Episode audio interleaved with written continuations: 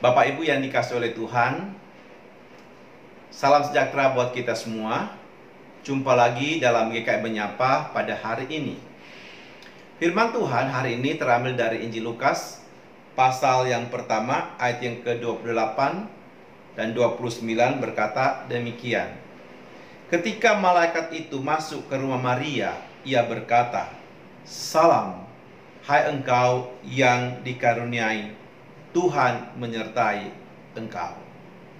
Maria terkejut mendengar perkataan itu, lalu bertanya di dalam hatinya, apakah arti salam itu? Kata malaikat itu kepadanya, "Jangan takut, hai Maria, sebab engkau beroleh kasih karunia di hadapan Allah." Pasal 2 ayat yang ke-10.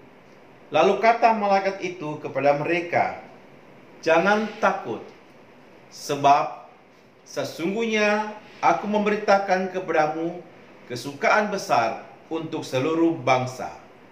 Hari ini telah lahir bagimu juru selamat, yaitu Kristus Tuhan di kota Daud." Saudara-saudara yang saya kasihi di dalam Tuhan, tema kita hari ini jangan takut. Jangan takut. Saya percaya bahwa setiap kita pernah mengalami yang namanya perasaan takut.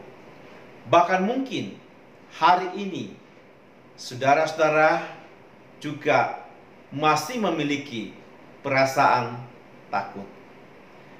Takut apa? Pasti banyak alasan. Ada orang takut menghadapi masa depannya. Ada orang takut menghadapi masa tuanya. Ada orang takut bagaimana kelanjutan kehidupannya ke depan. Bahkan mungkin hari ini juga tatkala kita mendengar berita-berita bahwa ada varian baru lagi muncul, maka saudaraku pasti ada yang merasa takut menghadapinya. Saudara-saudara yang dikasih oleh Tuhan, kondisi yang sama pernah dialami oleh Maria dan para gembala pada waktu berita tentang kelahiran Sang Juru Selamat ke dalam dunia ini. Firman Tuhan mengatakan pada waktu Maria bertunangan dengan Yusuf, maka malaikat datang menjumpai Maria di rumahnya. Dan dia menyampaikan salam kepada Maria. Maria tidak memahami apa arti salam itu. Lalu malaikat juga berkata kepada dia, "Jangan takut, hai Maria, karena engkau mendapatkan kasih karunia." Saudara-saudaraku, pada waktu malaikat datang kepada Maria, mengapa Alkitab mencatat malaikat itu berkata, "Jangan takut." Berarti di sini Maria sedang mengalami satu perasaan yang takut. Mengapa bisa demikian, saudara-saudara?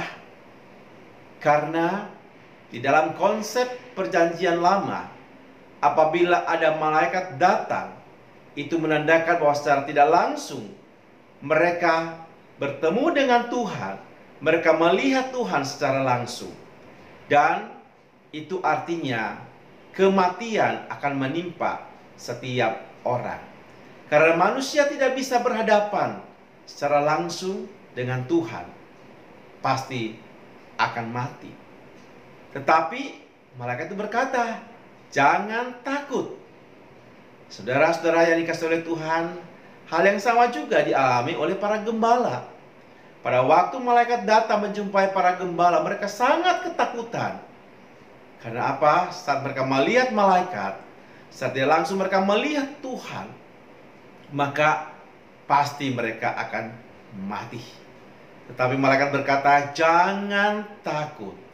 Jangan takut." Lalu bagaimana mengatasi perasaan takut ini? Apa obatnya? Rasa takut ini malaikat berkata, "Maria, engkau dikaruniai Tuhan. Dan di dalam berita kepada para gembala dikatakan, jangan takut karena hari ini telah lahir bagimu juru selamat yaitu Kristus Tuhan di kota Daud. Takut, perasaan takut akan kematian digantikan dengan satu perasaan sukacita luar biasa.